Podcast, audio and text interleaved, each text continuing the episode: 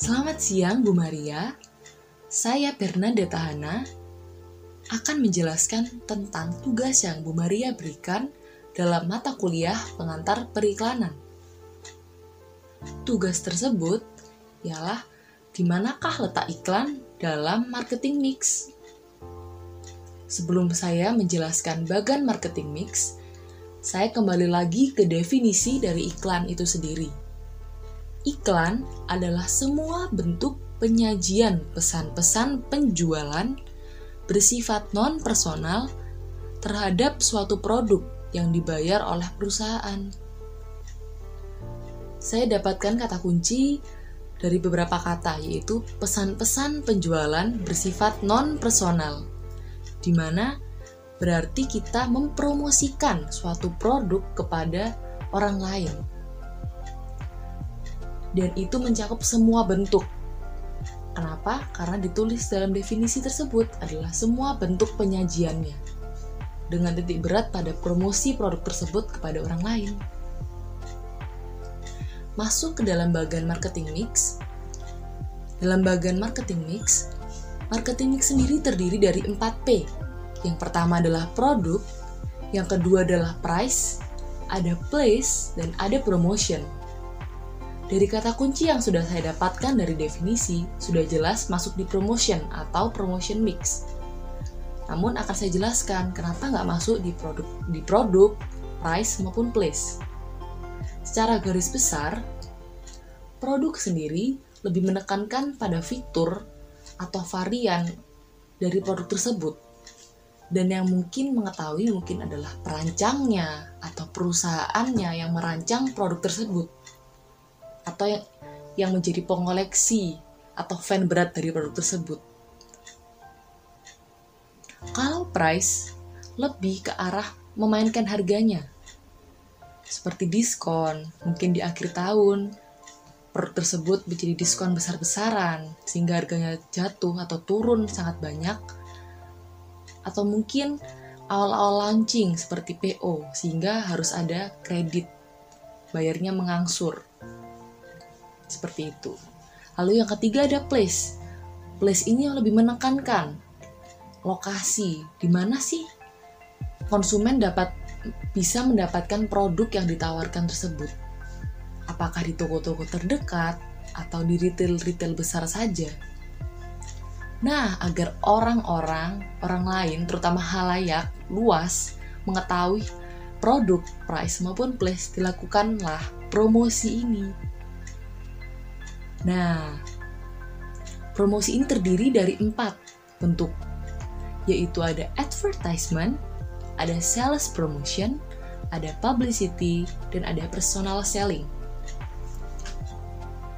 Advertisement sendiri atau iklan adalah bentuk penyajian pesan-pesan melalui sebuah media dengan target kalayak. Biasanya lebih diarahkan ke media massa karena kalayaknya lebih banyak dan luas. Contohnya, kalau hanya dalam bentuk audio saja di radio. Kalau dalam bentuk audio visual bisa melalui televisi. Seperti itu. Maupun juga bisa dalam bentuk billboard yang ada di jalan-jalan.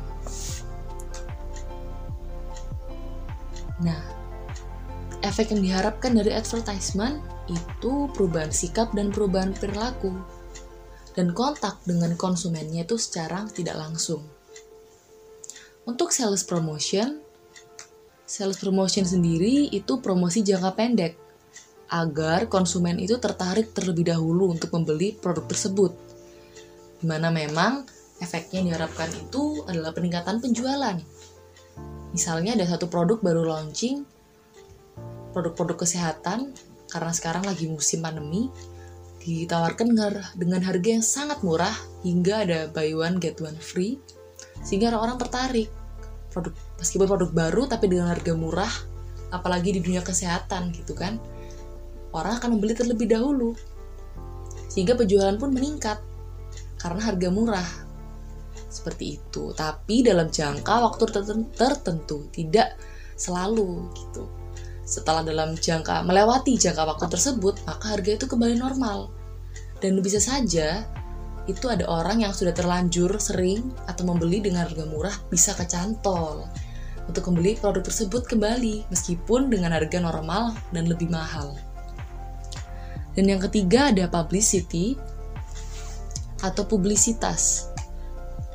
Jadi ini biasanya dilakukan oleh PR atau humas di mana melakukan berbagai kegiatan untuk mengembangkan citra atau merek perusahaan produk tertentu semisal iklan sepatu Nike yang sangat bagus, yang benar-benar sporty banget buat anak-anak yang suka atau anak atau orang-orang atlet yang suka berolahraga. Image-nya tuh benar-benar manly atau keren dibanding dengan produk sepatu sport merek lainnya.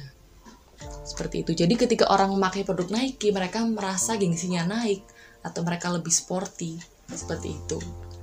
Dan yang keempat ada personal selling atau penjualan pribadi. Di sini berjual berjualan dengan beberapa orang dengan presentasi maupun tanya jawab seperti itu. Biasanya yang sering saya temui di mall-mall itu Genius, yaitu suatu aplikasi yang menawarkan nabung atau bisa juga buat nyicil gitu. Di mana salesnya itu mendatangi pengunjung-pengunjung mall yang datang lalu mempresentasikan ini aplikasi apa tujuannya apa dan lebih dikhususkan targetnya mungkin lebih ke anak muda.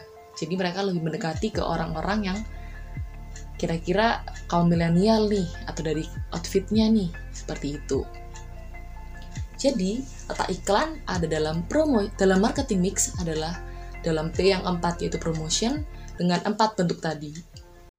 Sekian penjelasan dari saya, kiranya dapat menghasilkan nilai yang maksimal. Terima kasih dan Tuhan Yesus memberkati.